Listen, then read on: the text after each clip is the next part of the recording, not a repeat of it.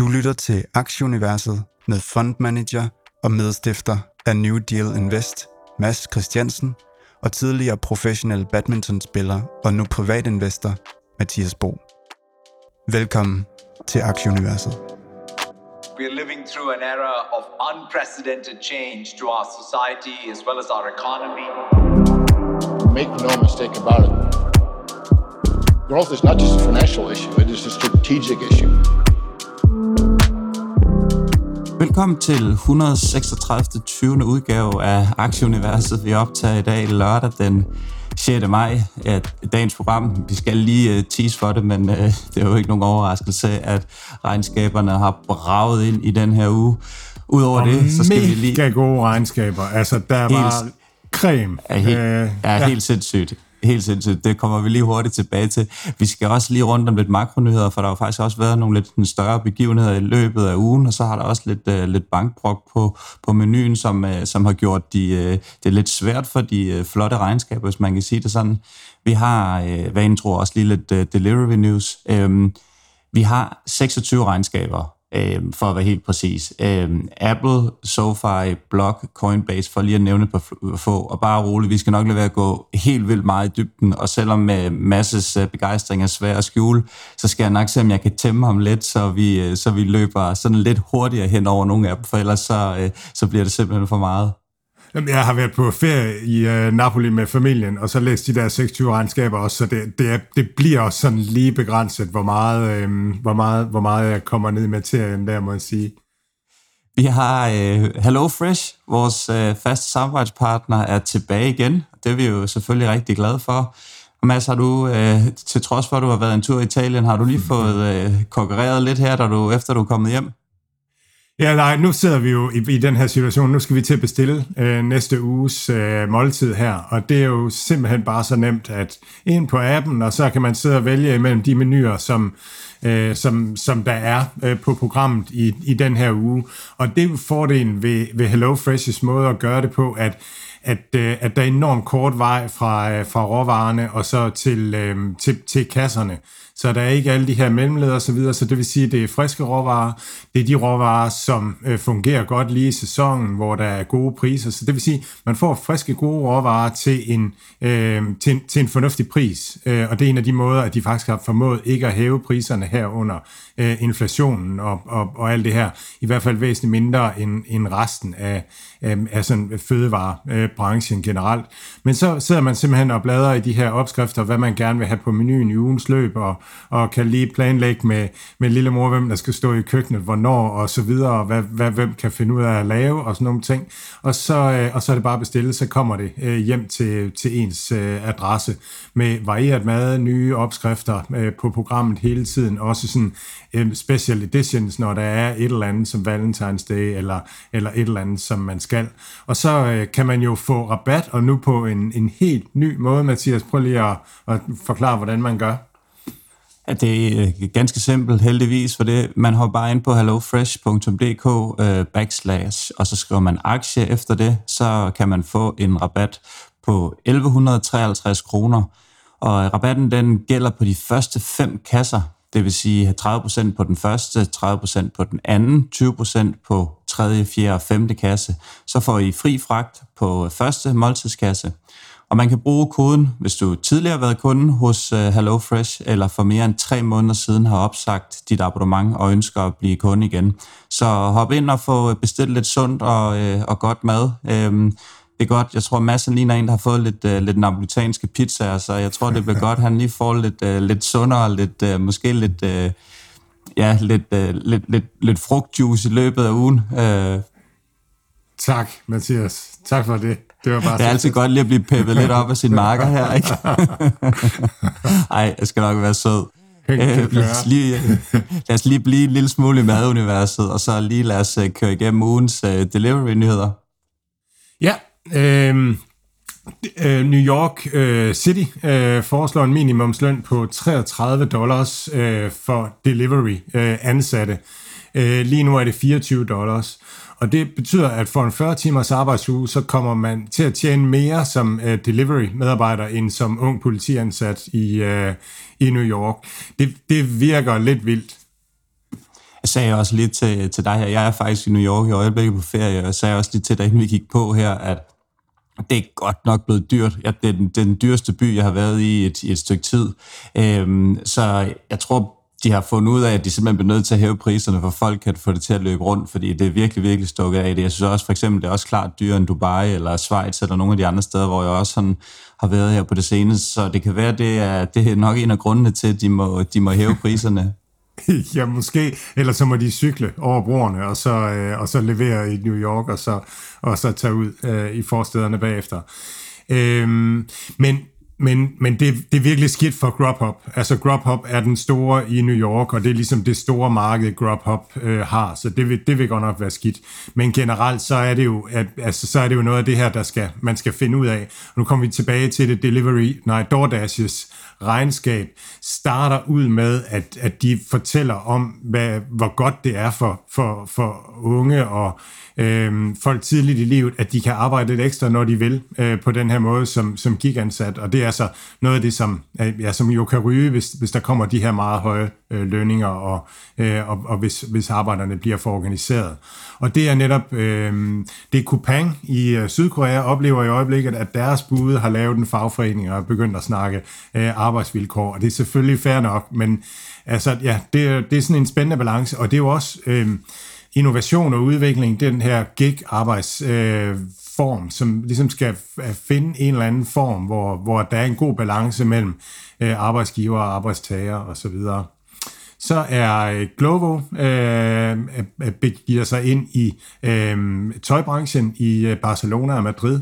Nu kan man få leveret tøj fra 38 forskellige brands, og det synes jeg, der er øh, det, det har alle kvinder, der er brug for, Mathias, at altså, når man lige skal have garderob, eller det, man skal have på til at passe øh, om aftenen, ikke også, og, og man mangler noget i en bestemt farve eller et eller andet, så skal man da kunne bestille og få det leveret med det samme. Det virker meget rimeligt. Og så, øh, og så er øh, Bamin øh, i gang med at lancere et beauty brand i øh, Vietnam. Øh, og her er vi nok lidt mere over i din gade, tror jeg, Mathias. Øh, men, men Bamin er altså uh, Delivery altså, Heroes. brug for det, eller? det er der, der ved noget om det. Jeg tænkte mig at, at spørge dig, om det var en god idé. Jeg tænker, om, om du tænker, det er en god idé. Men det er altså Delivery Heroes sydkoreanske uh, opkøb, uh, Ruva Brothers. Deres platform hedder uh, Baemin, og de er i gang med at lancere beauty brand i Vietnam. Og, og jeg sad bare sådan og tænkte, okay, men altså, er det godt, eller er det ikke godt, eller, eller hvordan er det Men det er sikkert fint. Uber, øh, de øh, starter samarbejde med Alexa og øh, Stripe, altså sådan, at man kan følge, hvordan det går med ens øh, leverancer via Alexa, så det bliver inkorporeret i, i Alexa fra, øh, fra Amazon, jo den her selvtalende højtaler eller artificial intelligence, og Stripe er den her betalingsplatform, som øh, ja, som er, er stor, minder meget om, øhm, om den europæiske, hvor navnet lige er forsvundet lige nu for mig. Mads, lad os lige øh, hoppe op i øh, helikopteren øhm, og lige kigge lidt på, på indeksene, for til trods for en rigtig god afslutning på uden både torsdag og fredag i, i USA, så, så bakker vi altså en lille bit smule på, på S&P ned næsten 1%. Dow nede over 1%, 1,24, Nasdaq rundt nullet, øh, DAX i Tyskland oppe 1%, og, øh, og vi bakker også i Danmark på en kortere handelsuge, 0,65 er vi nede. Den 10 rente i USA er uændret, øh, 3,44, og på indeksniveau er det olien, den er nede i 1, øh, undskyld, i, øh, i 71,5% nede fra sidste uge, som er den sådan store taber.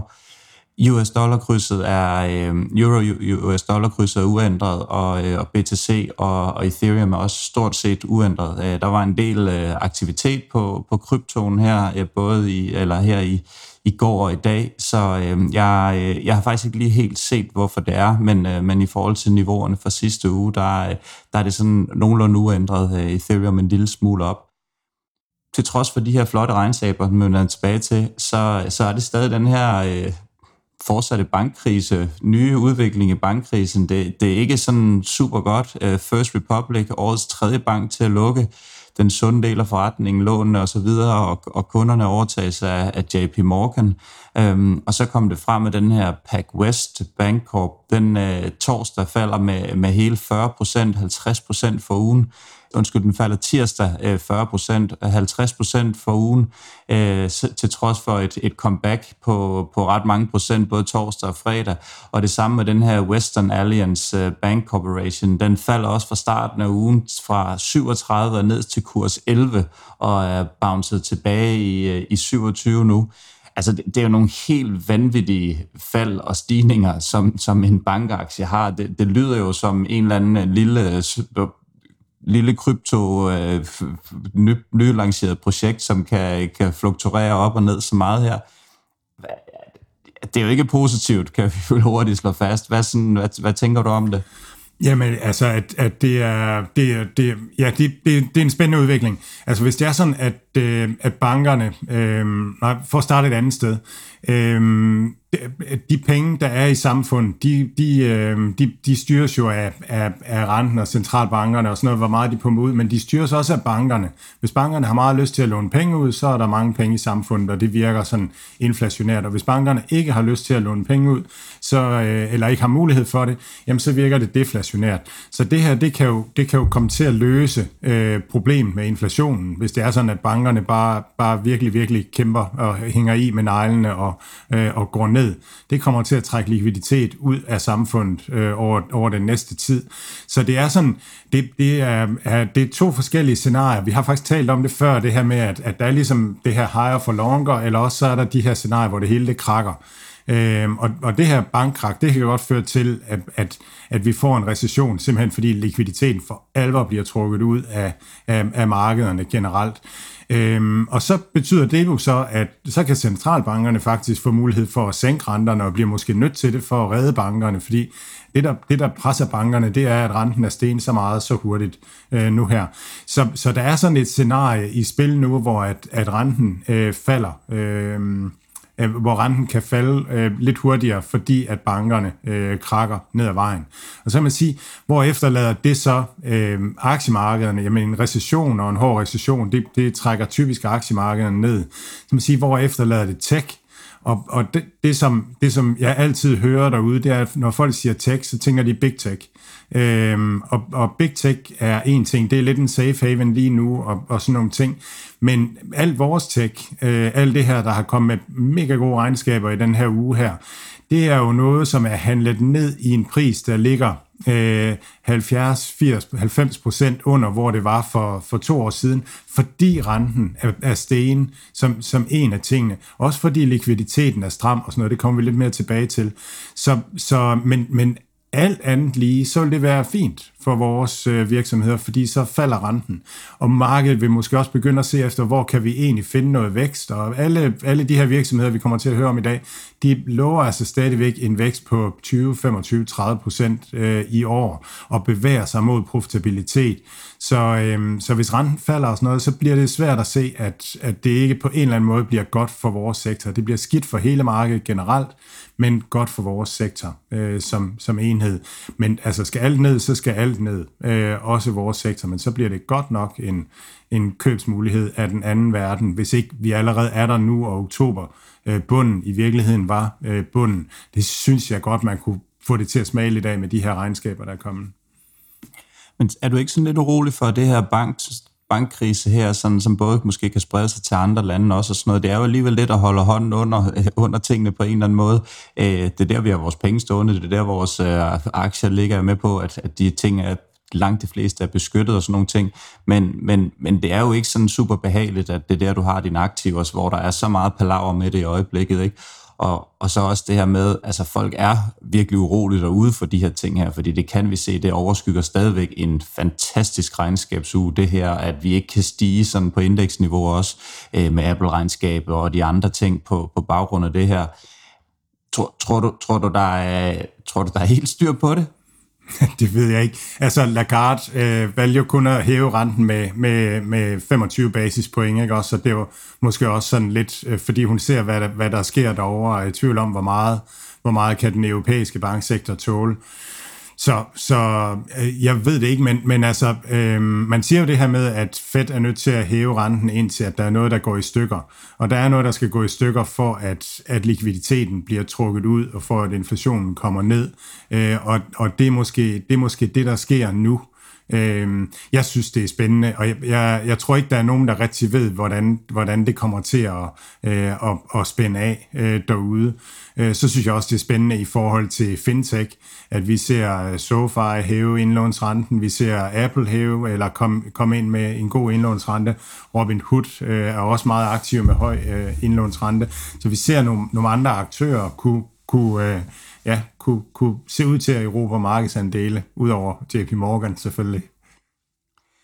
Og øh, lad os lige prøve at tage fat i de her rentehævninger her, fordi den kom jo også fra, øh, fra hvad hedder det nu, Fed. De var også ude og hæve med 0,25 procentpoint. Øh, 5 25 renten op i nu, det højeste øh, niveau siden 2007. Øh, så følger på, øh, på det, det her, øh, jamen altså non-eventen ECB også du ser ud af hæve med 0,25 procent point. Øh, og så kom der en, en kanonstærk øh, jobreport jobrapport fra, fra USA i, øh, i går. 253.000 job blev der skabt mod 185.000 forventet, og arbejdsløsheden faldt altså til, til 3,4 procent det er, ja, altså, det, det er godt, der stadigvæk er gang i den over med før omnævnte øh, priser, øh, prisstigninger og med det her bankpalaver og, og sådan nogle ting. Så øh, ja, der er i hvert fald, øh, i hvert fald glohed arbejdsmarked stadigvæk, så det ligner ikke, at det er det, der lige sådan går i stykker, hvis det er den ting, vi skal lede efter for at få, få renten ned igen, så ligner det ikke lige pt, at, at det er jobmarkedet, som, som ryger ned, og det ligner heller ikke, at robotterne har overtaget helt endnu, sådan umiddelbart. Nej, der er også en spændende historie derude om nu, at, at, øh, at, at vi er ved sådan et, et regimeskifte, at nu har vi haft en lang periode, hvor det var ligesom kapital, der, der, der havde magten, og at nu kommer vi måske til en periode, hvor det er arbejdskraften, øh, som, som har magten, og den ender så typisk med, med sådan en, en stagflation, øh, som vi havde i, i 70'erne, hvor at så, så skal der nogle kartoffelkurer til, og, og så videre. Så der er sådan nogle store cykler derude på, på, øh, på, på kapitalmarkederne, og, og, og ja, som, som folk kigger ind i og prøver at blive kloge på. Og det som, det, som jeg også synes er, er sjovt, det er jo, at økonomien er jo, at verden ændrer sig jo, verden er jo dynamisk. Det er jo ikke sådan, at man kan sige, at, at nu får vi det samme som i 70'erne eller i 40'erne, fordi at verden er jo meget anderledes i, end i 70'erne og i 40'erne. Vi har lidt robotter, og vi har lidt øh, mobiltelefoner og, og alt sådan noget. Ikke? Også der er mange ting, der er anderledes, så man kan, ikke, man kan ikke bruge fortiden som guide for, hvad der sker nu, og det er også derfor, at alle er sådan i vildrede omkring, øh, hvad det er, der sker. Øh, det, det igen, jeg bare kan se, det er, at det er mega gode egenskaber for vores virksomheder. Så øh, det, det tror jeg, man skal holde sig til lige nu mikro. Vi prøver lige at smide øh, Coinbase-regnskabet ind, fordi at det er sådan en lille smule øh, politisk motiveret, om, om man vil. Så, øh, så kan du ikke lige tage os, øh, tage os igennem det her? Jo, øh, Coinbase, øh, der, i deres shareholder letter, øh, der skriver de, øh, der har de sådan, at deres overskrift, det er It's time to update the system. Øh, den politiske, øh, ja, ja, It's time to update the system. Og så, øh, så har de nogle kapitler sådan i deres, hvad, hvad der skal ske for Coinbase. Og chapter 3 øh, fra deres shareholder letter lyder sådan her working to assure America's leadership in the updating of global financial system. America is in a position to lead in crypto and help update the global financial system. We need crypto-specific rules rather than regulation by enforcement. To help this initiative, this innovative technology flourish and for America to maintain its leadership, uh, with an estimated 1 million Web3 developer jobs to be created over the next several years, the importance of crypto has never been greater. Så der taler man altså direkte til regulatorerne. Og så hvis vi bare lige skal tage tallene inden, så, så, øh, så kommer der noget fra, fra Q&A. Men øh, omsætningen op 22% kvartal over kvartal, og det er stadigvæk ned year over year. Øh, de er, er ved at være positive på adjusted EBITDA-niveau, hvad der så ind, øh, ligger i det. Øh, der er stadigvæk relativt lav aktivitet, og de har 5,3 milliarder i cash. Det, det er sådan for ud af det, det er, at hvis ikke at, at, at øh, regulatorerne i USA på en eller anden måde trækker tæppet væk under Coinbase, så er, har de rigeligt med likviditet og så videre til at komme igennem den her kryptovinter også. Og de investerer og bygger for at øh, bygge det her økosystem. Så, øh, så jeg, jeg, tror, det er, jeg tror, det er rigtig fint. Så, så var der Q&A, og den var bygget op på den måde, at, øh, at, at, at, at aktionærer kunne øh, lægge spørgsmål ind, som så blev stemt op eller ned. Øh, og der var et, et par meget sådan belejlige spørgsmål, i hvert fald til Coinbase, som Brian Armstrong øh, svarede på. Øh, og øh, det første øh, kan I høre, det kommer her.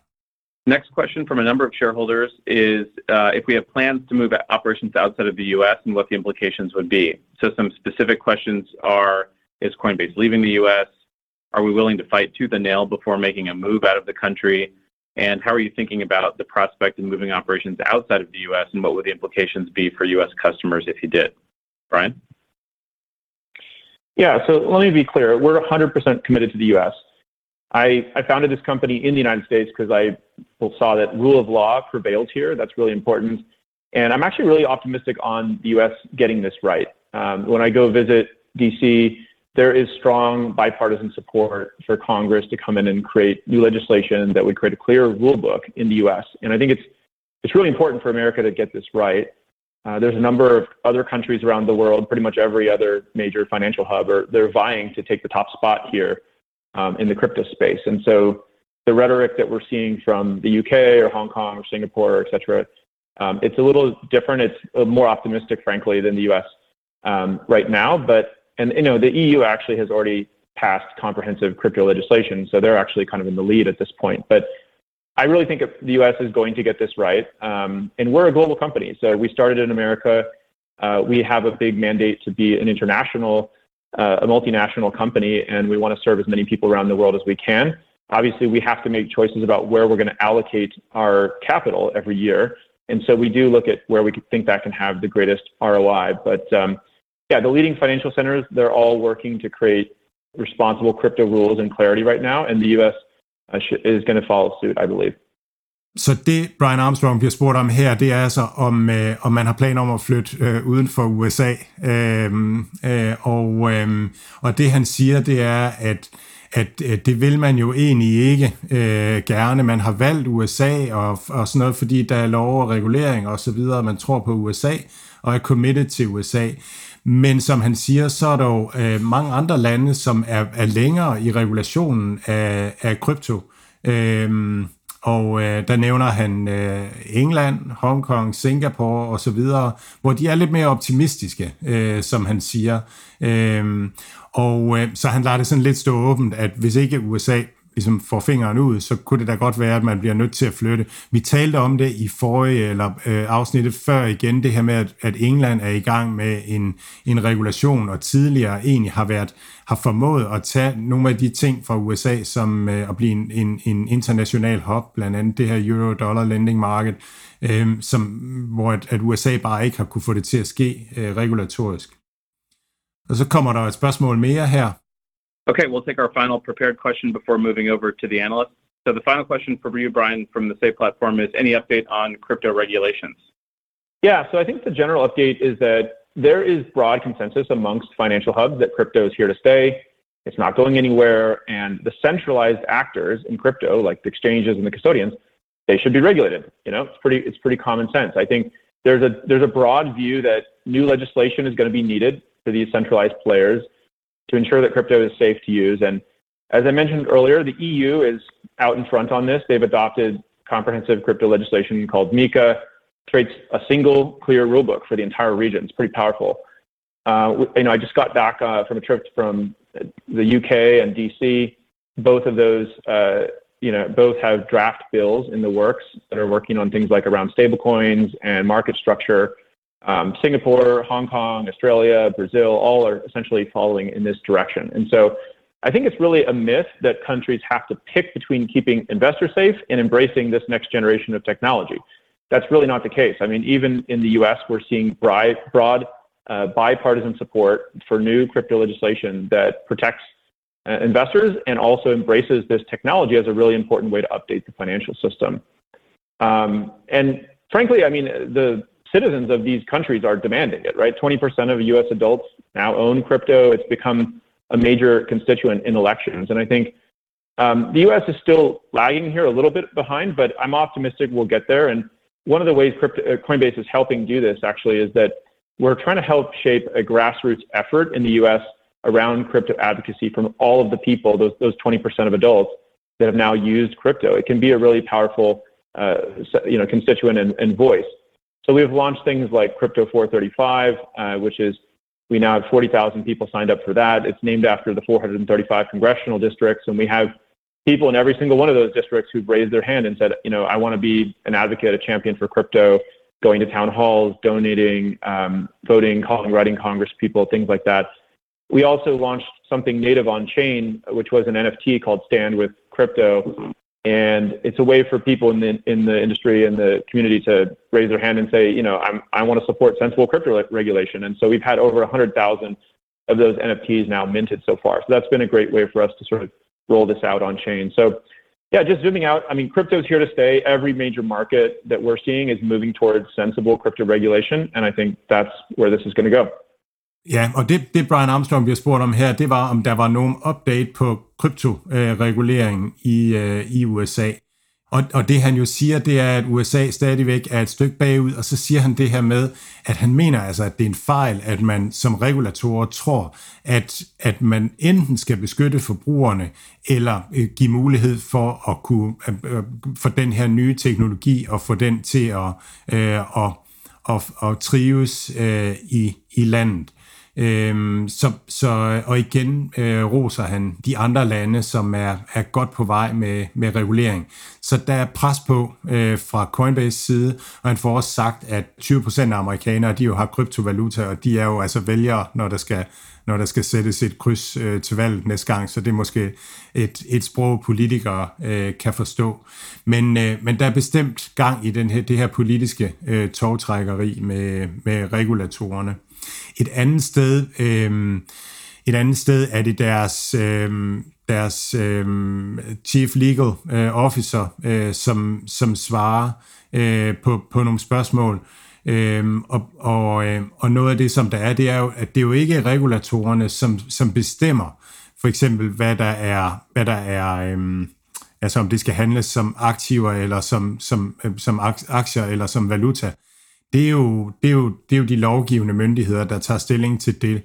Men, men så, så det er derfor, at, at der kan også godt blive nogle retssager, uden at det nødvendigvis er, er fordi, at nogen har gjort noget forkert, men fordi man er nødt til at have domstolene til at afklare, øh, hvad der egentlig er op og ned, og hvad der er rigtigt, i forhold til, at, og så bruger man jo noget lovgivning, som, som nogle gange er 100 år gammel, til at skulle finde ud af, hvad der er rigtigt og forkert i en kryptoverden. Så det, det, er, det er et åben-endet øh, kapitel. Jeg synes, Coinbase står øh, sikkert. Det virker, det virker for vildt, hvis amerikanerne øh, hvad skal man sige, smider den her øh, bold og giver den til englænderne. 18 procent stiger den på, øh, på det her regnskab, men, men igen, den her øh, bankpolemik her, der gør, at det gør egentlig faktisk bare, at, at det bliver sådan lidt annulleret, eller det gør det ikke, for det er stadig en fin, men, men 8 procent kun op for ugen, fordi det ligger bare tøffer nedad i de første fire dage her på, på baggrund af, af det her bankpalaver og lidt, lidt, lidt, lidt, lidt jobtal og lidt rentes, alt muligt sådan noget. Ikke? Det er sådan, Ah, det er nærmest sådan lidt synd, tænker man sådan både for, for Coinbase, men også for investorerne, at, at man virkelig kan, kan, kan komme ud og præstere, og så, øh, ja, så, så på sådan en ugebasis, så, så får man ikke sådan en, en, den her kæmpe belønning, som man måske har håbet på. Ja, det er det, er det. og så, så er der det her med, at, at øh, de her retssager truer, og, og hvad, hvad betyder det, og hvad kommer det til at betyde for Coinbase og sådan noget. Det er svært at gennemskue, og, og alle er jo bare risk-off i øjeblikket. Alle hører om den her recession, og så, så er man risk-off, og der, der ryger Coinbase også ud med, med badevandet. Inden vi går i gang med, med at løbe regnskaberne igennem her, så vil du lige komme med sådan en lille intro til, til de her regnskaber, Mads. Så øh, ja, take it away. Ja, Altså, og det, jeg har faktisk talt om det før, men, men det er den her, øh, den her, det, den her bobleøkonomi øh, tankegang. Og, og det, øh, det, det, det, det handler om, det er, at hvis man har startet et selskab i en eller anden branche, øh, som lige pludselig bliver hot, og man egentlig øh, godt kunne investere og vokse stille og roligt med måske 20-30 procent, og have et overskudsgrad på, eller have en, en return on investment på 10 procent eller et eller andet, så lige pludselig så bliver det hot. Alle vil bare have det. Vi så med 3D-printer, og vi har set det nu med AI i øjeblikket. Øhm, og så kommer der en masse venturekapital penge ind, en masse nye startups, øh, konkurrencen stiger, derfor falder, hvad skal man sige, den overskudsgrad, man selv kunne have, fordi at man begynder at have konkurrence. Og samtidig så har de andre måske flere penge, så man bliver måske selv nødt til at rejse nogle flere penge for at vækste noget hurtigere og forsvare sin markedsandel. Og så lige pludselig så har man en hel sektor, som kører med, med elendig økonomi og med, med dårlig enhedsøkonomi og dårlig return on investment, fordi man investerer for den lange sigt og ligesom er i gang med sådan et, et, et dødskapløb øh, om at overleve, om at, at tage markedsandele.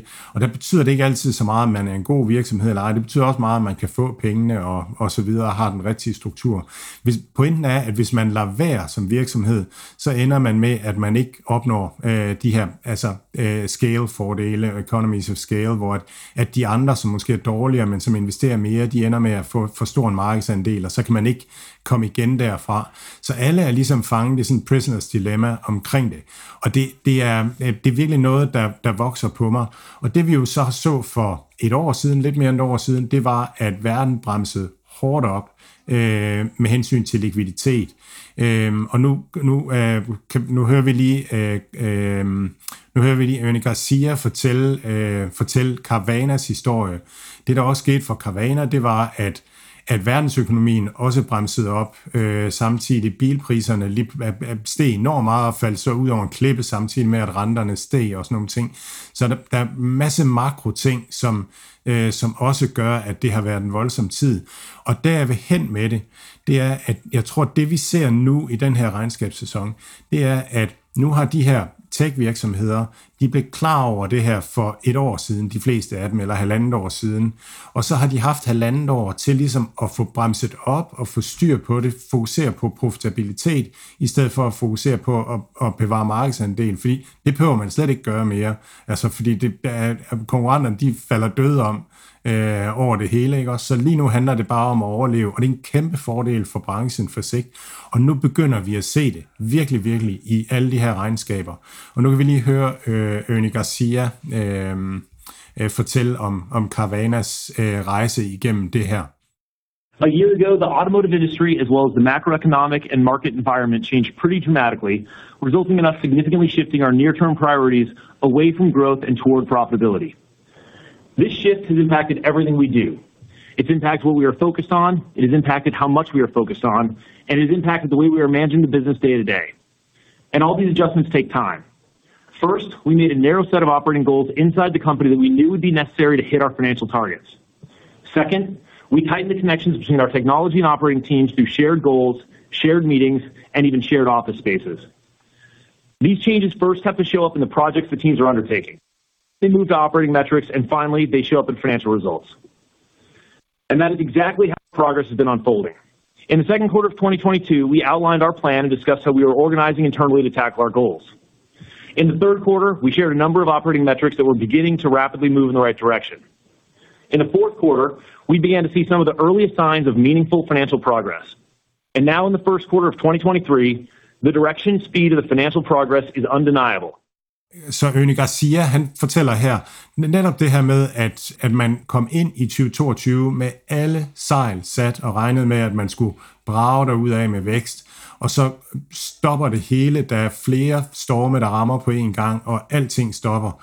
Øhm, og så har man brugt et år på at skære benhårdt til, og det har set forfærdeligt ud.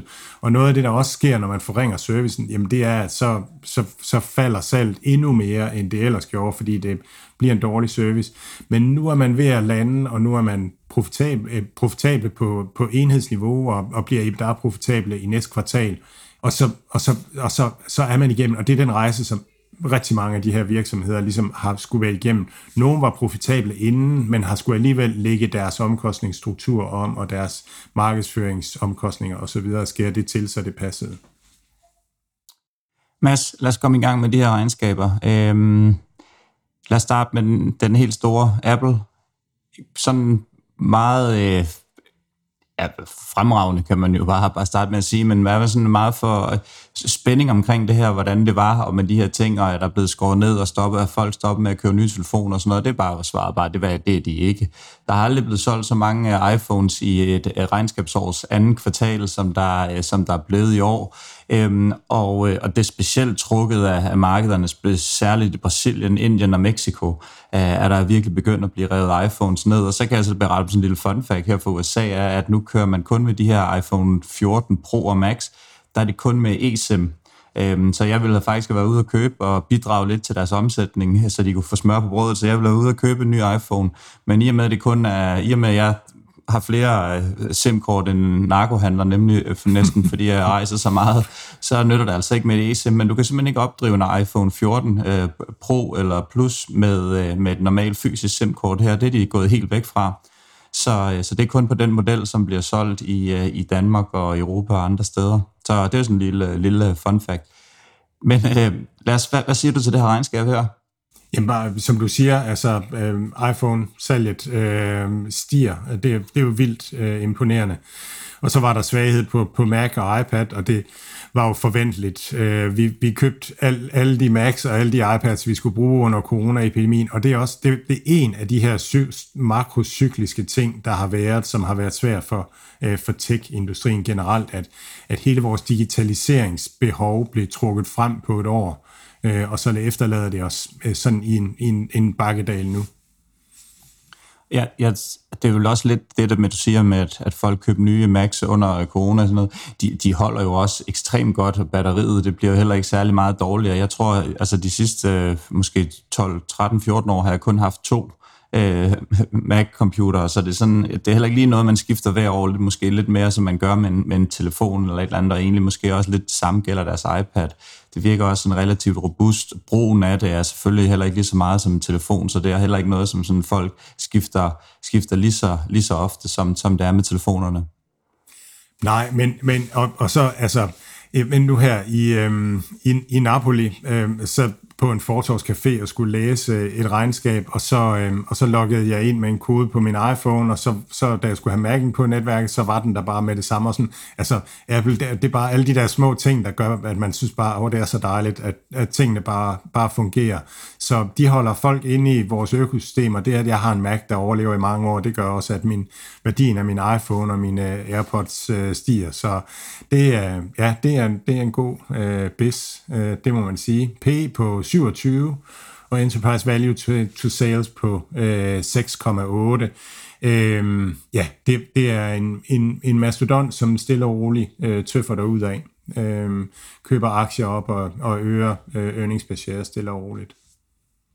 Og hvad ser vi her på det her regnskab her? Den øh, ja, 4-5 procent er vel også øh, ja, fortjent ud fra, hvad, hvad de leverede sådan lige umiddelbart. Øh, og og over 2% for, for ugen, selvom dyk indtil det her regnskab kom. Så ja, det, det er godt klart, må man sige. Lad os, øh, vi har lige, øh, vi sådan kategoriseret det lidt. Nu har vi lige et par, øh, par fintech-regnskaber, som, øh, som kører her. Øh, lad os starte med, med SoFi, den glæder jeg mig virkelig til at høre dit take på, fordi jeg er da en lille smule forvirret, fordi umiddelbart så kunne jeg ikke finde så meget malurt i, i bæret ud over det her bankpalaver, og de måske øh, kom med det her regnskab mandag på en, på en rigtig sur dag, og det gjorde tingene måske lidt sure, mere surt. Men øh, hvad, hvad siger du til det? Jamen, øh, altså, øh, øh, omsætningen stiger øh, 43 procent øh, til 472 millioner. Øh, deres deposits øh, stiger 37 procent, så der kommer kunder på, der kommer folk, der deponerer deres penge der. Jeg ser det som et styrketegn, at de har kunne hæve, øh, hæve udlåns, eller indlånsrenten. Øh, de guider for 32 procents vækst i øh, Q2. Det er, er, er nogenlunde øh, en, øh, 0 øh, kvartal over kvartal. Og så guider de for, at de bliver netprofitable i, øh, i, 23, eller i fjerde kvartal øh, 2023. Jeg tror noget af det, som altså, øh, det markedet ikke øh, tvivler på, det er, om de kan blive profitable. Øh, det, det er sådan det, jeg øh, læser på Twitter af de der henkastede øh, kommentarer, der er omkring det, øh, og, og, og, og ser det som, at SoFi ikke øh, kan finde ud af at, at drive bank. Mm, ja, ja, ja, det er jeg ikke ekspert i øh, på nogen måde, øh, men jeg fæstner mig ved, at der er andre, som jeg, jeg kender som forstående sofa rigtig godt, som, som synes, det ser rigtig godt ud. Så fæstner jeg mig ved, at, at, øh, at deres CEO, han køber aktier op øh, vedvarende, øh, og så har, siger de vedvarende, at de har en, en earn-out-tid på øh, kunderne på, på en tre år. Så, øh, så, så længe de vækster meget, så, så vil der altså gå lidt tid, før de bliver profitable, fordi det, det koster at erhverve nye kunder. Og det fede ved bankkunder, det er jo, at man skifter bank øh, meget sjældent. Så, øh, så det er nogen, man kan, kan tjene penge på øh, i mange år. Og så tror jeg bare, hele det her med at være en, en digitaliseret bank, altså nu kommer alt det her AI og så videre, og det handler jo meget om, om man har data, man kan bruge til de her AI-modeller, og det har en digital bank altså i, i meget højere grad end en gammeldags bank, øh, fordi en digital bank er, er, er mere moderne øh, bygget op øh, datamæssigt og infrastrukturmæssigt. Øh, så jeg, jeg kan rigtig godt lide øh, SoFi. Jeg kan også rigtig godt lide, at noget bevæger sig op, og noget bevæger sig ned, øh, sådan lidt tilfældigt, fordi så, så er der også lidt muligheder i det. 17 procent af den hvert fald bevæget sig ned for ugen, selvom der var en lille smule comeback i går efter øh, ja, på, en, på en grøn dag, plus at du siger som du frem, at, at Pacman var ude at købe igen for et eller andet 250.000 øh, US dollar i rundetal, øh, samle aktier op til under kurs 5. Øh, så ja, men, øh, men stadigvæk 17 procent, så, øh, så der er i hvert fald mulighed for at tanke nogle, nogle billige aktier op på, på baggrund af, af det her øh, ja, en positiv regnskab, som, som du siger, men, øh, men, men makro øh, hiver SoFi ned, og, og skal man investere i noget, der, der rimer på, på bank i øjeblikket, det er jo nok der, hvor man mest har den med, med de andre ting, lidt ligesom det var en god idé at investere i noget, der hedder AI, om det så var en møbelforretning for, for en for et par måneder siden, så, så er det, det, det er sådan, jeg spørger mig selv mest om, af alt, der har noget med bank at gøre, skal man lige prøve at se, hvor vi lander hen med alt det her, fordi ja, igen, SoFi, som overhovedet ikke er, altså, ja, som er i bank, men overhovedet ikke er øh, en fysisk øh, bank på samme måde, som, som de her, der falder ned, det, det hele, hele lortet bliver trukket med ned alligevel, og det er sådan lidt, det, jamen er vi færdige over det her bank, som vi snakkede om i indledningen? Det er vi sandsynligvis ikke. Øh, der er nok mere samme skuffe, så, øh, så, så, så ja, det er måske det, der gør mig mest sådan urolig, hvis man kan sige det sådan i en, i en, i en fantastisk aktie. Jeg, jeg har det på samme måde. Altså, jeg, jeg bliver også meget ydmyg, altså, når, når der trods alt er nogen, som, som, som formentlig ved mere om bankforretninger, øh, end jeg gør øh, som, som er skeptiske øh, over for det osv., så, videre, så, så tror jeg også, det er, er fint bare at have en ydmyg holdning, og så holde positionerne små, øh, og holde sig diversificeret. Alt, hvad Mads, Mathias og deres gæster siger, er deres egne meninger. Det er ikke finansiel rådgivning. Denne podcast er udelukkende ment som information og skal ikke bruges til at lave beslutninger om investeringer. Mads, Mathias og kunder i New Deal Invest kan have positioner i de virksomheder, der tales om i podcasten. Lad os komme over til Paycom. Ja, Paycom, øh, jeg tror det er første gang, vi, vi taler om, om Paycom. Jeg, jeg kiggede deres øh, regnskab her og, og, og blev meget, meget begejstret øh, for den her virksomhed. Øh, det er en, øh, en webbaseret HR øh, og, og, øh, og, og lønudbetalingsvirksomhed. Øh, øh, som er rigtig gammel. Jeg tror, den er 20 år gammel. Øh, øh, de skriver, at de transformerer workplace by giving employees direct access to their data in a easy-to-use uh, øh, application. Og det, den hedder Beti, uh, deres uh, produkt. Øhm, i, I det her regnskab, der har de en vækst på 28 procent til 452 millioner. Øh, de har et frit cashflow på 288 millioner, altså rigtig meget i forhold til deres omsætning og er billige, når man måler deres market cap i forhold til frit cash flow. Den, den ratio er øh, 15.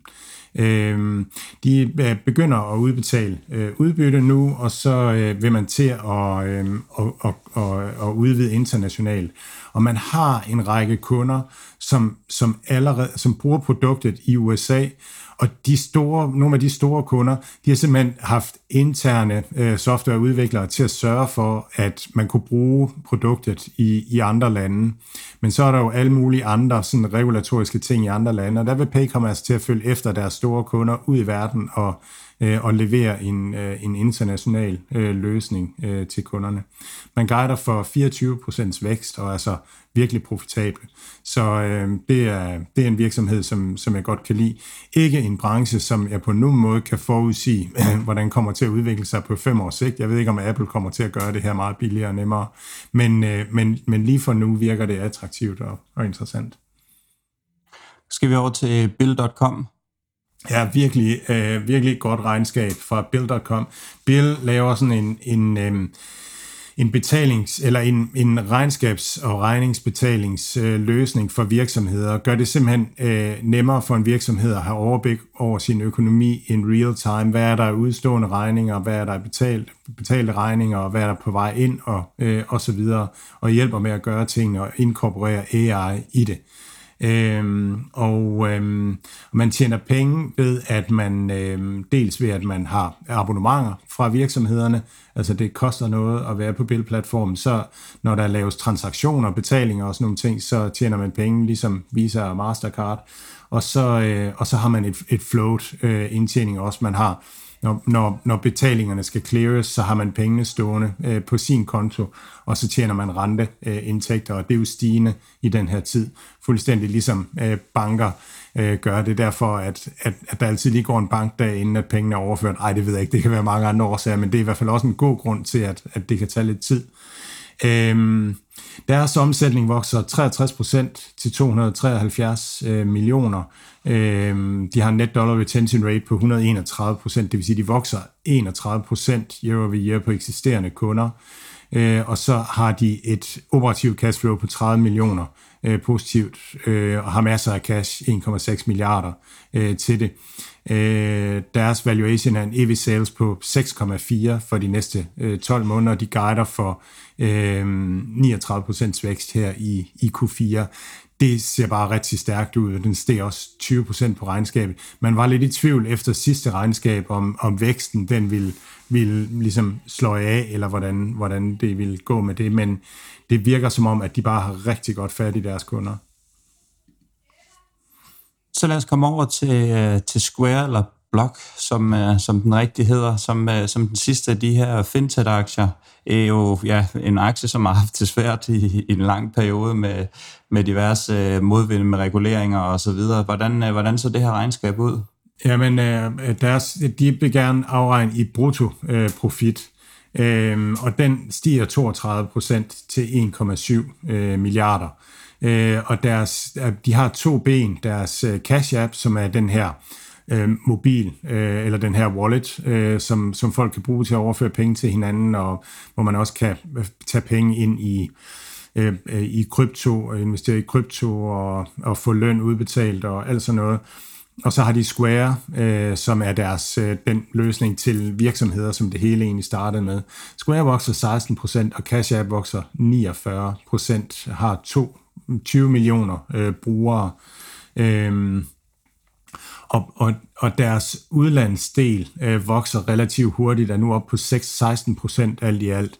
De er jo gået i land i Europa og er godt i gang i Japan også. Øhm, deres øh, antal øh, payments, eller payments, uh, total payment volume på Cash App vokser 24%, og Square vokser 15%, og så har de en låneforretning i Square også, som, som vokser 46%. Det er bare, det, det, det er, øh, den vokser øh, rigtig, rigtig godt, og, og de bygger noget godt øh, til kunderne. De, øh, de bygger det her pengeøkosystem, hvor det er nemt at øh, overføre penge, og, og sådan noget minder lidt om Bill, og minder også rigtig meget om Shopify, der hvor Shopify er, er på vej hen, Kom, kommer til at høste en masse data, har en masse primær kontakt med, med kunderne. Det er alt det der, som er rart inden, i en verden, der går mod AI.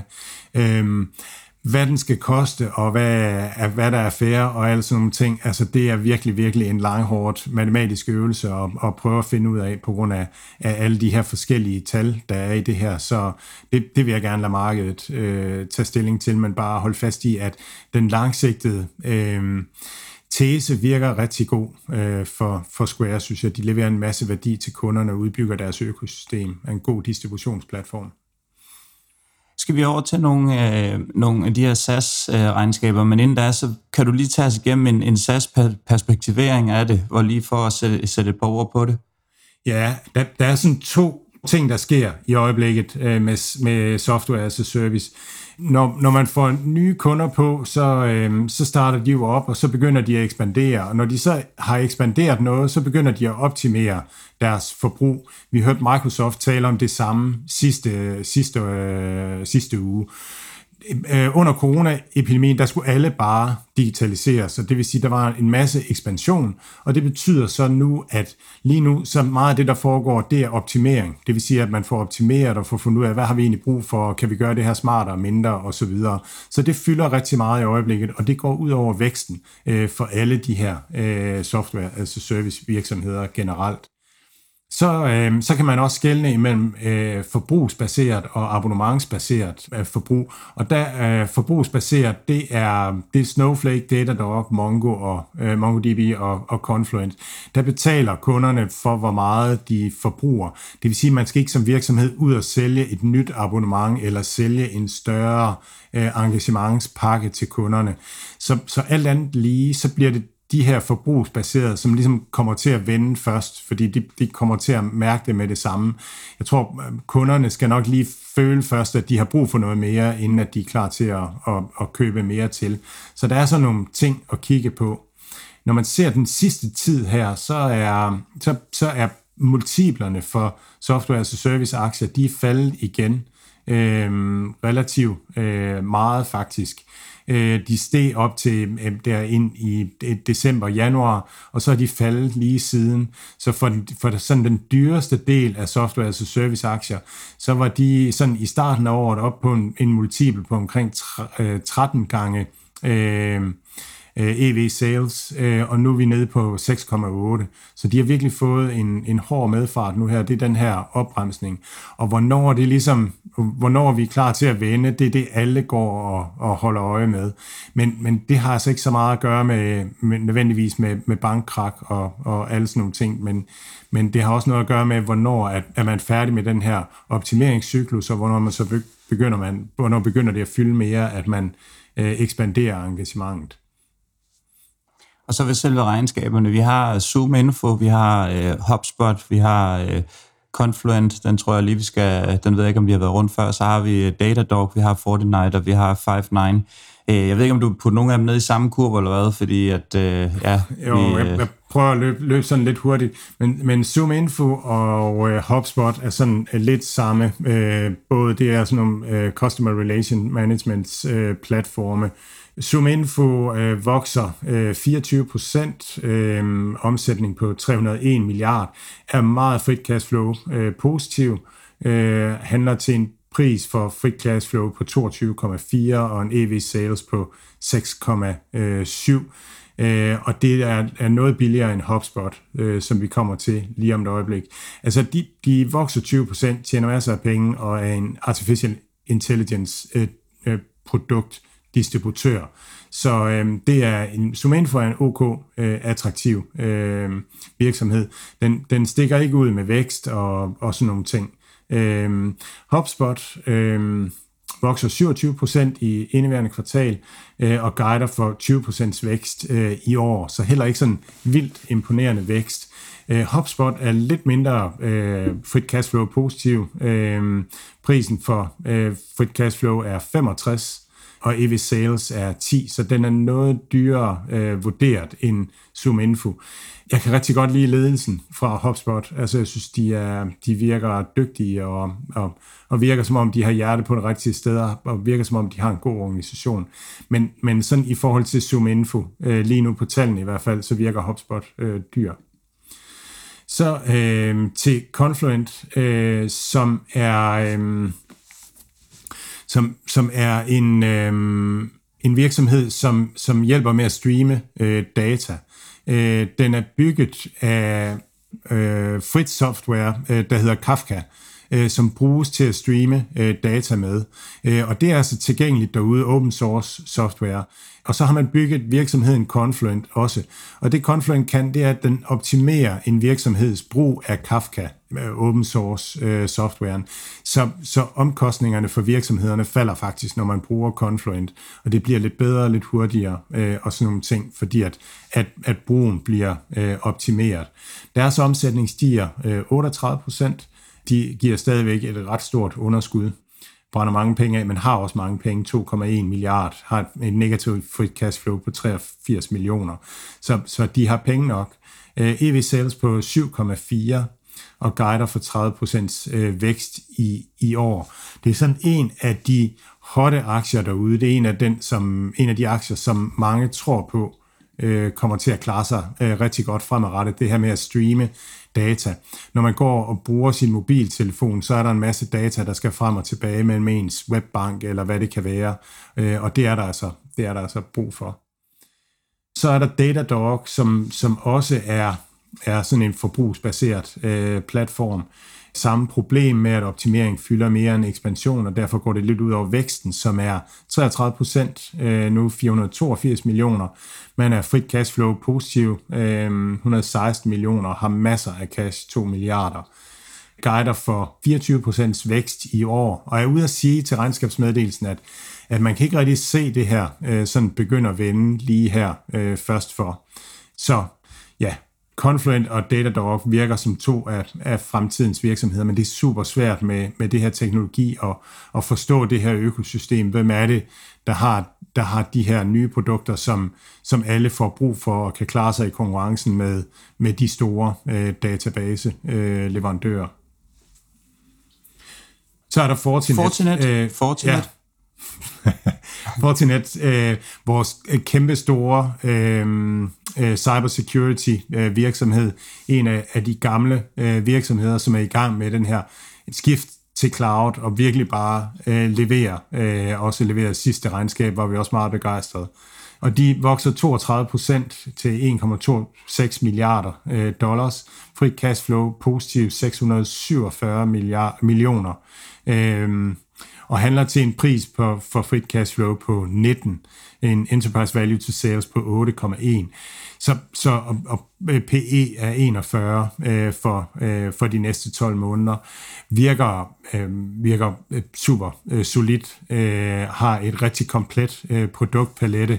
Øh, en af de øh, cybersecurity virksomheder, som har været svage den sidste tid, det er Zscaler, øh, som er sådan zero trust øh, virksomhed. Og noget af det, som, som Zscaler ikke har på paletten, det er noget, der hedder SD-WAN, øh, software øh, defineret øh, Wide Area Network. Det, det er simpelthen, hvor at, at man kan lave et, et virksomhedsnetværk i strukturen, og det, det har, det har Zscaler ikke sådan rigtig godt på, øh, på paletten, men, men er noget af det, et af de steder, hvor Fortinet er, er, er stærke. Så de virker øh, komplette øh, og guider for en vækst på 23 procent øh, i det her år. Så bestemt en attraktiv virksomhed, men også en, der har klaret sig godt kursmæssigt den seneste tid. Five9 er, øh, er en cloud-baseret øh, omstillingscenter-løsning. Øh, øh, callcenter-løsning. Det var den, som Zoom øh, prøvede at, at opkøbe, hvor at aktionærerne nægtede.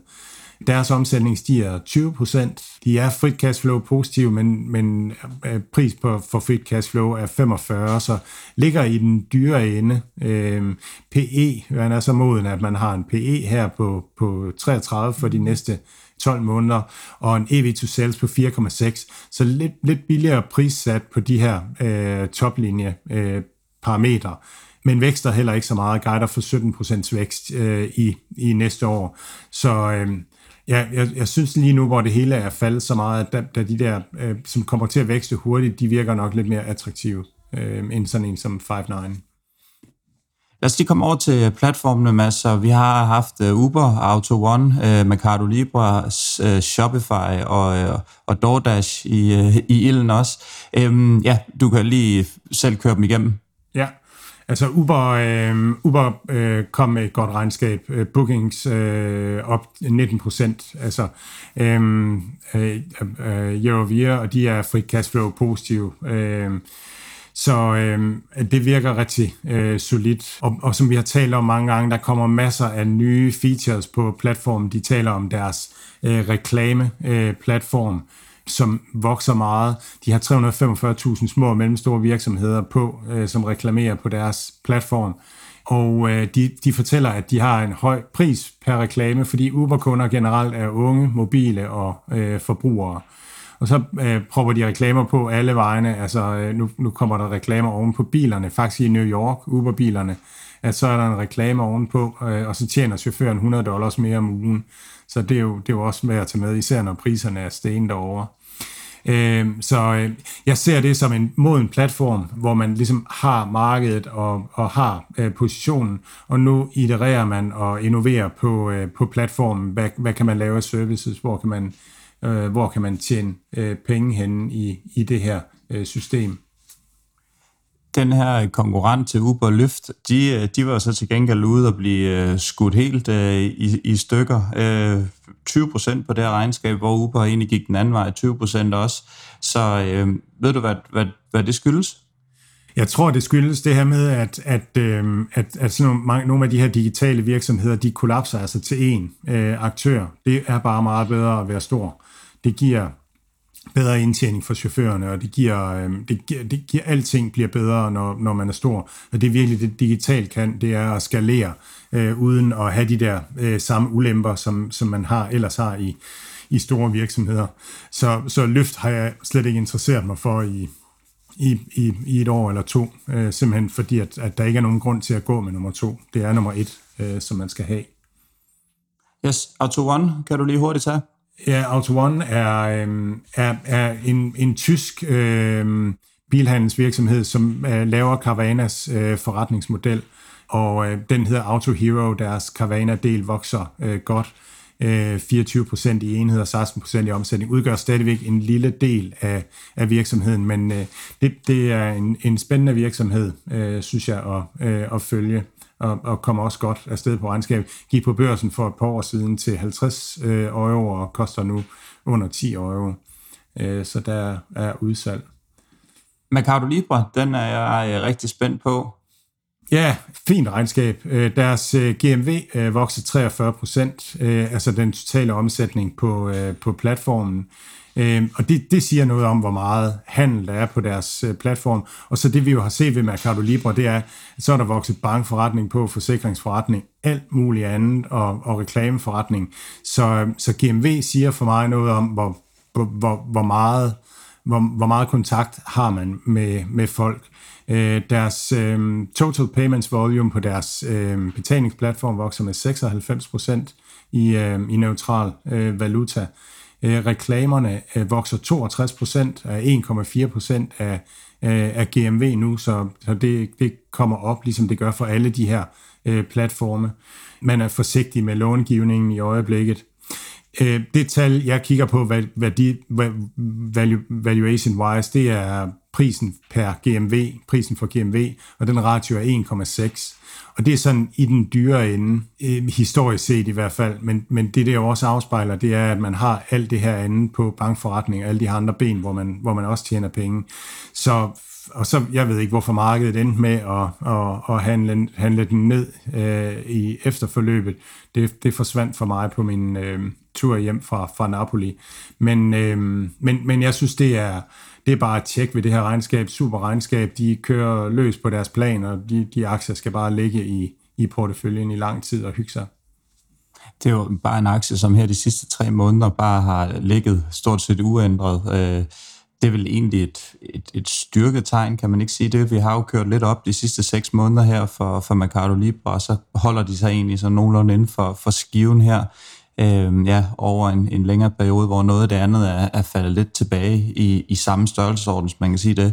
Øh, det synes jeg i hvert fald sådan, at, at, at positivt tegn, at, at de ikke sådan lige som faldet igennem isen. Jo, og det, det handler jo også om, når, når markedet går lidt øh, i panik eller lidt PTSD og sådan noget, når vi begynder at snakke om, at vi skal længere ned, så sælger markedet ud af alt, hvad der ikke er overskudsgivende.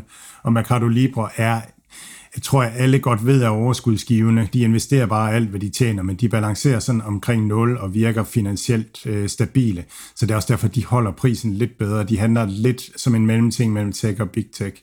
øh, i bund og grund. Lad os komme over til Shopify. Jeg har faktisk en lille sjov historie, da jeg gik ned i øh, Soho i går. Der var der helt vildt mange mennesker, der stod i kø ude foran en butik, og vi stod sådan og kiggede lidt. Så var det en fysisk Shopify-butik, og jeg ved ikke, om de har haft et eller andet uh, tilbud på, at man kunne gå ind i den her, uh, eller de laver det som showroom, eller hvad det er. Men de har faktisk en, en fysisk butik i, uh, i uh, hvad hedder den, hvilket jeg ikke var klar over. Jeg kan godt være, at de har det andre steder også, men uh, det er i hvert fald ikke noget, der, der lige sådan... Så de folk stod i kø, og de havde sikkert et eller andet uh, tilbud foran, og der var virkelig mange altså vi snakker 100 Hvad mennesker eller et eller andet. Hvad var Jamen, det ved jeg ikke. Jeg, ja, jamen, det, det, det, det, som, det troede jeg egentlig, at måske jeg håbede på, at du vidste, fordi at, at det er jo ikke et, et, et, et fysisk produkt som sådan, så det var et eller andet. Så, øh, så det var, Jeg har sendt om, om det var helt til New form York for at researche, og så... jeg øh, burde, og jeg burde have taklet, jeg kan godt være, jeg, jeg godt være, jeg var blevet en lille smule upopulær, hvis jeg bare havde rendt foran de der 100 mennesker i køen, og så bare gået ind og så sige, jamen jeg skal lige en undersøge, jeg bliver altså nødt til at rapportere hjem til, til podcasten i morgen, hvad det er, der foregår herinde. Tror jeg altså ikke, amerikanerne har haft helt stor forståelse for, men det var altså en lille jo- øh, fun fact. hive presseskiltet frem, øh, aktieuniverset, presseskiltet, og så, så ind foran. Nej, jeg, jeg ved det faktisk ikke. Altså, de, øh, den store nyhed fra Shopify er, at de, øh, de dropper at, at blive en logistikpartner øh, partner, øh, for deres øh, klienter. Så de sælger deres øh, øh, deliver-platform til, til noget, der hedder Flexport, øh, som de har samarbejdet med. Øhm, og, øhm, og det tog aktionærerne rigtig godt imod. Det har jo været at det her, der har presset deres indtjening øh, i et godt stykke tid, at, at de har investeret i det. Og det er den her type rigtig langsigtet investering, hvor man som investor ikke ved, om man får noget ud af det eller ej. Og, og, og jeg kan godt have det sådan, at at hvis man er startet som en app øh, og, og vil udvikle apps, og man lige pludselig skal til at lave øh, logistik, altså kan, så kan man godt blive nervøs for, om er de nu også verdensmestre i det. Så det virker fornuftigt nok, at de, de har en dedikeret partner nu i Flexport, som, som er en logistik øh, virksomhed og fra, fra bunden af og øh, følt som det. Så øhm, de vokser deres øh, GMV, øh, altså den totale omsætning på platformen med 15 procent, øh, og guider for, øh, for 25% vækst i øh, Q2, guider for, at de vil være frit cashflow positive hver kvartal øh, i år. Øh, de har masser af cash. 15% af deres omsætning nu er cross-border. Øh, det er virkelig det sted, hvor at, at de har rigtig, rigtig øh, godt øh, fat.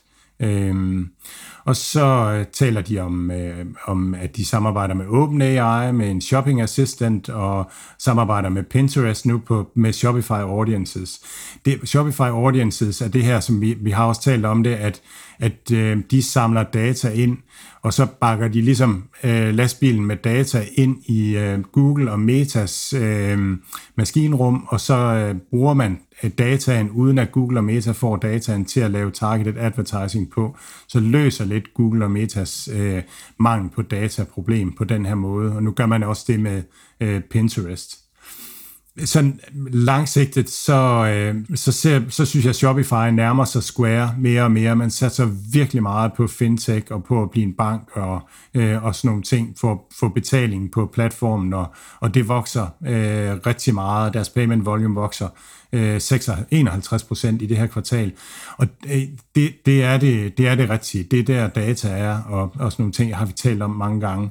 Øh, Forskellen på Square, det er nok, at man konkurrerer ikke med Amazon. Øh, og øh, Amazon har AWS, og de har fulfillment, fulfillment by Amazon, som, som noget, de kan tilbyde deres kunder, øh, hvis de vil det samme, som Shopify vil. Øh, og der kommer Square fra et andet sted. Man kommer fra at være den her øh, cash app, øh, som folk bruger øh, som, som mobil øh, bank og betalingsmiddel og sådan nogle ting. Men, men det arbejder øh, Shopify sig ind på. Jeg, jeg, jeg, jeg er lidt skeptisk over for Shopifys position som værende der midt imellem øh, Øh, nogen, der, der kommer øh, fra og har, har deres, ligesom, deres fundament rigtig solidt i, i den ene og den anden lejr. Og der tror jeg, at Shopifys, hvad skal man sige, Mojo kan blive det her cross-border, at der har de virkelig knald på, øh, sammen med Global E øh, blandt andet. Så øh, det er det, de, de kan tilbyde, som, som andre måske ikke kan tilbyde i samme øh, stil. Øh, nu her kan være deres konkurrencemæssige fordel, som, som jeg ser det. Efter den her optur, så er jeg lidt sådan, Shopify, det er ikke det, er ikke, det, er ikke det der står lige først for. Hvad så med DoorDash? Jamen, øh, øh, et øh, godt regnskab, øh, synes jeg, deres ordre vokser 27 procent. Deres øh, GOV hedder det her, altså den totale omsætning vokser med 29 procent til 15,9 milliarder. Der har man købt sig til cirka en milliard i omsætning via Volt. Øh, så tallet er lidt mindre end ellers. Man har penge nok, man køber aktier øh, tilbage, øh, har et aktietilbagekøbsprogram.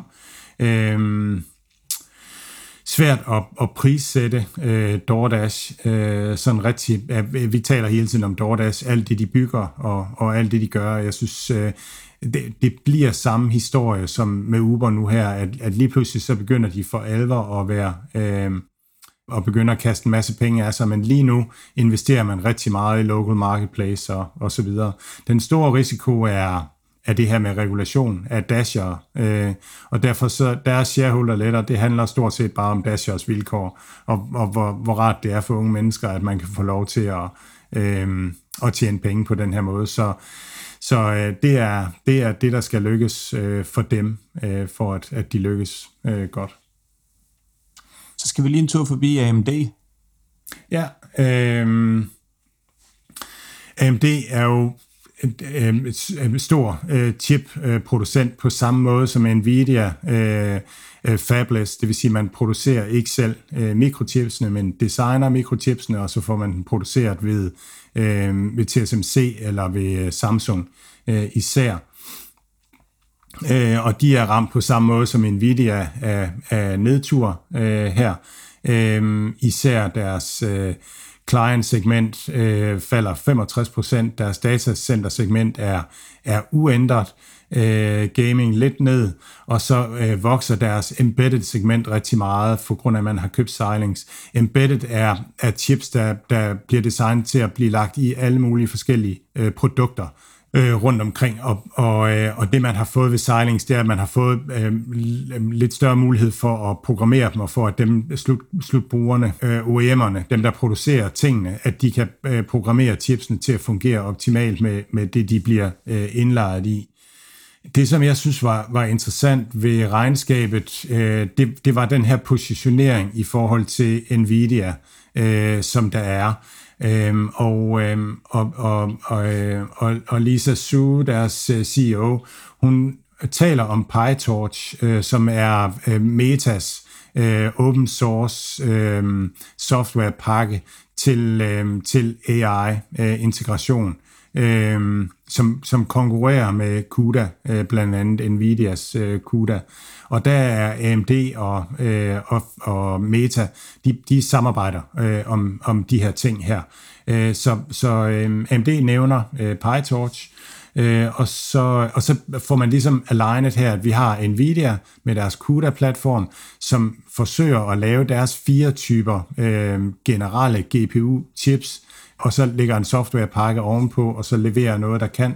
Og så har vi øh, AMD øh, og Facebook og Google, som rigtig gerne vil bryde den der CUDA-dominans ned. Blandt andet gør det ved, ved, ved hjælp af PyTorch og AMD's øh, chips øh, og, og, og sådan noget. Så har vi Tesla og Apple som, øh, og, og Amazon, som bygger deres egne chips og har deres egen øh, software ovenpå, har størrelsen til det.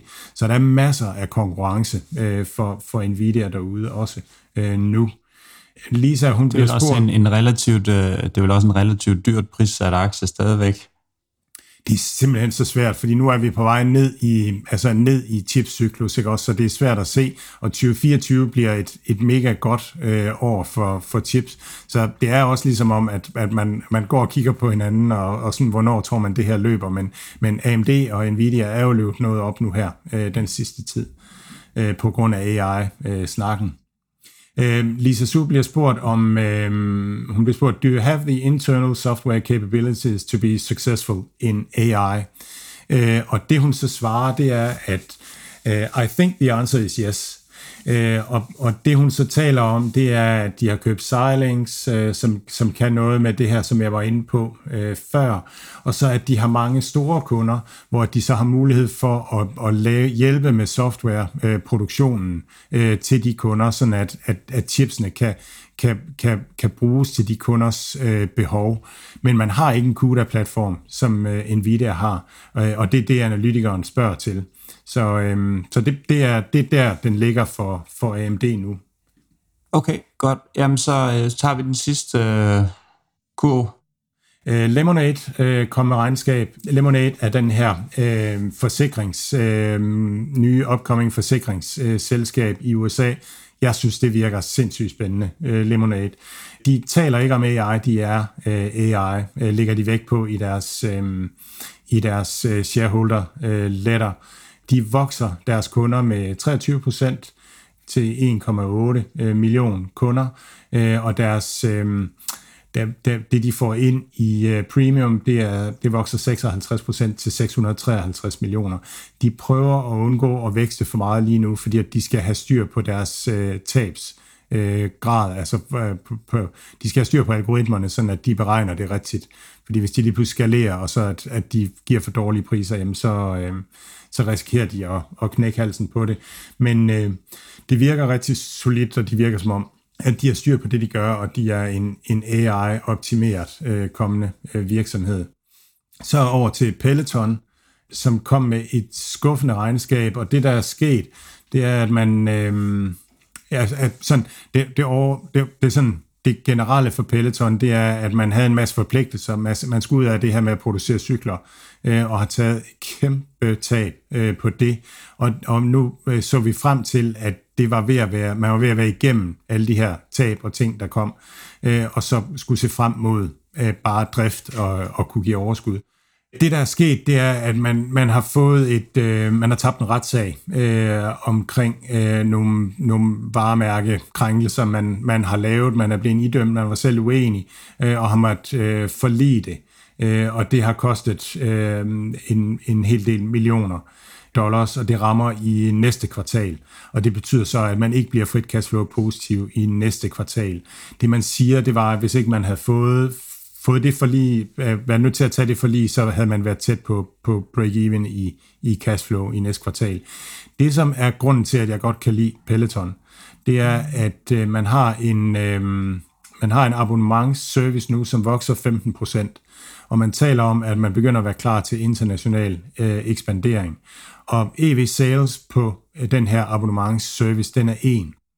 Øh, og det vil typisk være noget, som har en rigtig høj overskudsgrad. Så, øh, så snart at man ligesom er, er igennem alt det her, så, øh, så begynder det at se rigtig, rigtig spændende ud. Tallene, det kommer til at vende lyn hurtigt.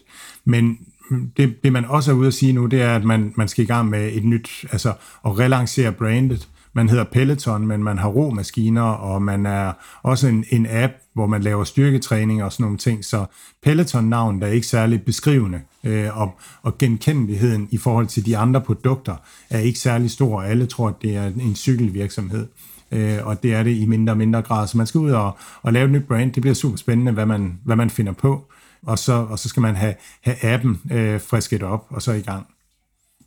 Ja, det er jo en af de her aktier, som vi to absolut overhovedet ikke er enige om. Jeg tror overhovedet ikke på det her. Jeg, jeg, jeg, kan, slet, jeg kan slet ikke se, hvordan de skulle komme igennem med det, men uh, ja, nu har Unlocky været ude at sige det, så det kan være, at det er den næste Apple, der, der bliver startet der. Nej, det er, jeg, jeg, jeg, kan, jeg, kan slet ikke, jeg kan slet ikke se uh, meningen med galskaben. Jeg sad også lige her faktisk, og det er jo meget amerikansk, så var der også en eller anden, det var så ikke en Peloton cykel, men et program, uh, hvor man skulle, hvor man skulle uh, kunne tage alle mulige online fitnessklasser og spinningtimer og køre alt muligt og sådan noget. Jeg, jeg kunne ikke engang starte det. Altså, det kan selvfølgelig godt være, at det siger mere om mig, end det kunne alt muligt. Jeg skulle trykke på 100 ting og sådan noget. Og det, og det, gider, det gider man bare ikke, når man skal køre en, øh, en workout, så man bare gerne i gang med bare at køre. Der er ikke nogen, øh, der er ikke nogen genvej til, til hårdt arbejde, når man sidder på en cykel, så er det bare moster ud af. Og jeg kunne overhovedet ikke få det i gang, så sidst så droppede jeg på, bare på godt med vat på, og så der ud af. Ej, det her, det, det, det, det, det, har jeg, det har jeg godt nok ikke ret meget fidus til. Så lad os, lad os komme videre til, til Kahoot. Kahooten, ja.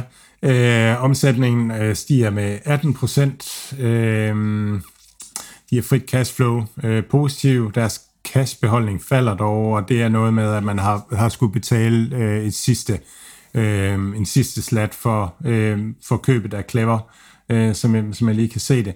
Øh, prisen for frit cashflow er 24, og deres EV sales er 6,4. Øh, så det er sådan det, det er efterhånden ved at være lidt, lidt i, den, øh, i den høje ende øh, for nogle af de her profitable øh, virksomheder. Øh, de guider for 16% vækst øh, næste år. Så det er positivt, at de tjener penge, og at de vækster.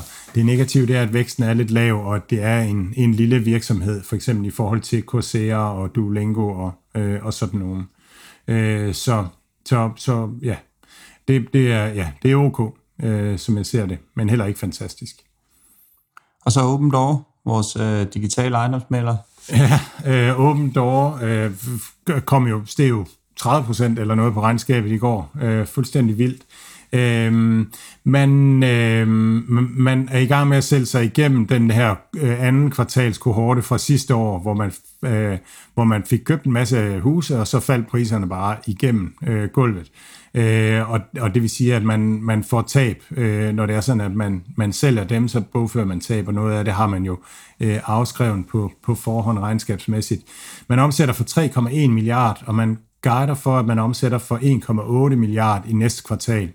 Og det er simpelthen et udtryk for, at man er meget, meget, meget forsigtig lige nu. Øh, den her recessionssnak, og skal huspriserne igennem gulvet en gang mere osv.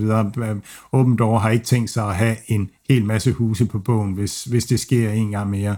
Så jeg tror, at, at man kunne så meget forsigtigt igennem øh, igennem resten af krisen, og så har man ligesom produktet udbygget og, og kan vækste med det.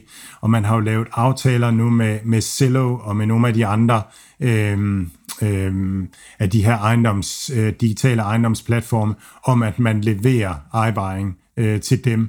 Så det vil sige, at der er heller ikke rigtig nogen konkurrenter. Det er virkelig et udtryk for, at man behøver ikke at have, have, have, have foden på pedalen, fordi at der er ikke nogen øh, konkurrenter derude, så man, man har ligesom det her marked her, når, når, øh, når engang øh, markedet vender. Så, øh, så man er forsigtig, og det tror jeg var det, som markedet rigtig, rigtig godt kunne lide øh, øh ved deres regnskabsmeddelelse i går, at, at man passer på øh, pengene øh, i åbent år. Så de skal nok komme igennem. Lad os komme over til Cardlytics. Ja, Cardlytics er, øh, er den her reklameplatform til øh, banker, øh, som, som, som når, når, når kunder på JP Morgan åbner deres webbank, så bliver de præsenteret for reklamer. Mm. Øh, og det er Cardlytics, der står for det. Øh, og øh, det har været en rigtig dårlig ledet virksomhed, og man fik købt en platform, der hedder Bridge, øh, som man fik købt for dyrt på toppen. Øh, og, og der er lige kommet øh, en afgørelse fra retten på den her bridge earn-out, øh, så, så der er ro på situationen med, at man ikke ender med at skulle betale så meget, at man, man, øh, man udvander helt sindssygt, eller, eller, eller øh, får likviditetsmæssige problemer. Så har man fået udskiftet deres CEO, og, og tech-gælden ser ud til at være ved at være løst. Man har simpelthen ikke fået udviklet på Øh, platformen, men nu har man den her nye ad-server, som ruller ud hos JP Morgan og, og ventes rullet ud hos Chase Bank også. Man taler i regnskabet om, at man også begynder at, at samarbejde med nogle af, af fintech-platformene. Det kunne være øh, SoFi for eksempel, øh, som, som man skal levere øh, reklamer til. Øhm, og man taler om, at, at det er en fordel, at man samarbejder med AWS, hvor at, at mange af, af kunderne også er på i, i forvejen. Så jeg synes egentlig, at, at det virkede ok øh, positivt. Øh, men man var sten rigtig meget på den her øh, bridge earn-out nyhed, og så kom regnskabet, og så faldt man øh, rigtig meget på, på det. Jeg synes, det er en, en spændende aktie. Jeg ved ikke, hvor, hvor stærk den er konkurrencemæssigt, og også nogle ting på lang sigt. Øh, men, øh, men, men lige nu og her virker den, virker den vældig billig og, og interessant, noget der godt kunne blive spændende fremadrettet. Så lad os lige, vi var lige snakket om det indledningsvis, så med lidt citat og noget, men prøv lige at tage os øh, hurtigt igennem Caravana. Ja, øh, Caravana og Cardlytics er jo interessante, fordi at, at det, det er investorerne øh, er, er, er i mange tilfælde sammenfaldende øh, på grund af, af ham her. Øh, den her fond, som havde Cardlytics og Carvana som 50% af fonden, og så nogle verdensindeks som resten, og, og han var sådan lidt en guru indtil at, at øh, indtil for et års tid eller to siden, og nu, nu er, er det ikke så fedt mere. Øhm, men, øh, men Carvana, øh, ja, Carvana overraskede rigtig, rigtig meget. Øh, kom med en, en bruttoprofit på øh, på, på 4796 dollars øh, per bil, og det er rigtig, rigtig højt, meget højere, end, end de har haft før, og de har det, det bedste øh, bundlinje kvartal, anden kvartal, eller første kvartal, de har haft øh, nogensinde. Og de har stadigvæk en gæld, som, som de får svært ved at forsørge renterne på fremadrettet. Øh, de har penge nok til at køre i, i nogle kvartaler endnu, uden at, at der sker noget.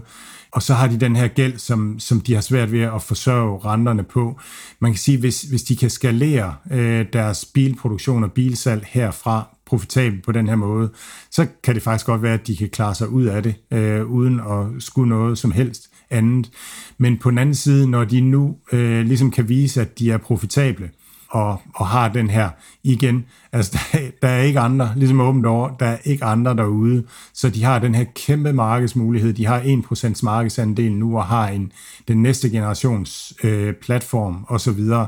Så, så det, det bliver nok til at lave nogle aftaler øh, og bringe det videre på en eller anden måde. Så, øh, så det, det var et skældsættende regnskab, i og med at de viste, at, at øh, de er profitable. De guider for at være på EBITDA øh, positiv øh, næste kvartal øh, og have en profit på over 5.000 dollars øh, per bil. Det er, det jeg læste mig til, at markedet, den steg, hvad var det, 20, 25 procent eller sådan noget i går. Øh, og grunden til, at den ikke steg mere, det var, at markedet ligesom gerne ville se, at man også kunne være så profitabel per bil, når man solgte flere biler. Og det, det er simpelthen det dummeste, øh, der næsten, fordi man har en, en, en, en stor mængde øh, faste udgifter. Så, øh, så det at prøve flere biler på det her, det er, det, det er en no-brainer, og, og burde bare give en bedre overskudsgrad per, øh, per bil. Men, men det er, det er bear nu.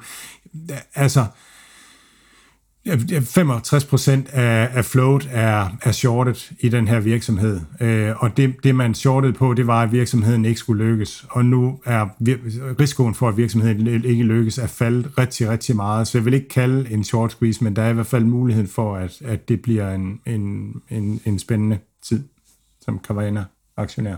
Så har vi, øh, vi to tilbage, Mads, øh, inden du skal have et stort glas vand. Øh, DraftKings og Fubo TV, dem kan du lige, øh, dem kan du lige ja. hurtigt tage.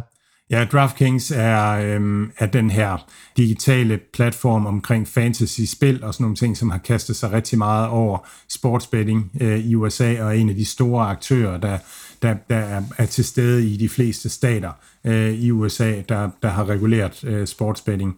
De vokser deres omsætning med 84 procent, øh, og vokser deres øh, antal månedlige øh, unikke brugere med 39 procent, og vokser indtjeningen per bruger også. Guider for 42 procents vækst i, øh, i næste kvartal. Det har også været en, en virksomhed, der har investeret meget. Det er dyrt at, øh, at få åbnet op i de her stater og sådan nogle ting, så de har været igennem en, en investeringsfase, og nu begynder det lige så stille at, at bære frugt, og derfor øh, reagerer markedet også rigtig positivt på, på regnskabet. Øh, Fubo TV også oppe med et eller andet 20-30 procent øh, i går på regnskabet. Deres øh, omsætning stiger med 34 procent, og deres øh, antal brugere stiger med 22 procent. Sports øh, TV-platform snakker rigtig meget om at bruge AI til at, og holde styr på, hvad ser folk, og, øh, og, og hvad vil folk gerne se, og hvilke reklamer skal vi så præsentere folk på. Man har fundet ud af at bruge bannerreklamer, øh, så man kan øge reklameindtægterne og sådan nogle ting. Så det er fremtidens øh, streaming-platform, øh, øh, man, man prøver at bygge. Valuation EV sales på 0,4, helt vildt billig, og det er fordi, at de er priset til at, at gå konkurs. Og man snakker nu om, at man, man klarer sig igennem til free cash flow øh, neutral, måske med en, en lille øh, kapitaludvidelse herfra. Men igen, så har man bygget noget, og det, ja, det virker attraktivt øh, på, på den måde, men stadigvæk en, en skrøbelig øh, økonomi, og derfor køber markedet ikke særlig meget øh, ind på det i øjeblikket. Det var en ordentlig omgang. Der, det, det der er mere det. vente i, øh, i næste uge, dog ikke helt lige så Nej. meget som det her, og det er, der, ja, det er der nok mange, der er glade for, inklusive øh, os to, men ja, ja. Vi ved selvfølgelig godt, at, at, det, at det bliver en lidt tung omgang, når vi sidder her og kæfter om de her regnskaber her, men omvendt så er det også super vigtigt at komme rundt om den, og ligesom sådan fornemme, hvor vi er henne, og fornævnt alle de her aktier, som, som vi snakker om. Så ja, vi håber, at I, I har holdt, holdt på derude. Jeg synes, uh, Mads, du gjorde det fremragende, uh, som, uh, som altid, men uh, ja, det er selvfølgelig en, en, en, en tung omgang uh, lige for at komme igennem. Men uh, ja, det, ja, det skal til. Ja, og så er det den her, jeg synes, jeg vil gerne bygge en service, altså at, at øh, man kan følge med i tech-virksomhederne her, og når så, når så hele tech-verdenen vælger at rapportere samme uge, jamen så, så er der bare helt vildt mange regnskaber, og så, så gør vi det, og så, så bliver der nogle andre uger, hvor vi, hvor vi snakker om, om nogle andre ting. Så øh, ja, tak til jer, der har holdt ud her øh, indtil nu. Og, og jeg ved ikke, altså det var også, det var også øh, svært at sidde og juble for hvert enkelt regnskab, men det var virkelig, virkelig, altså det var den her rejse mod, at, at man kan se, at de kommer igennem, og man kan se, at de går ikke i stykker øh, og sådan nogle ting. Det, det, øh, det kommer. Så vi er på et lavpunkt, men øh, det kommer. Det var særdeles fremragende. Det var vi, øh, det var vi glade for, og vi, øh, vi er selvfølgelig tilbage igen næste uge, så øh, rigtig god weekend til dig, med så rigtig god weekend til lytterne derude. I lige måde, Mathias.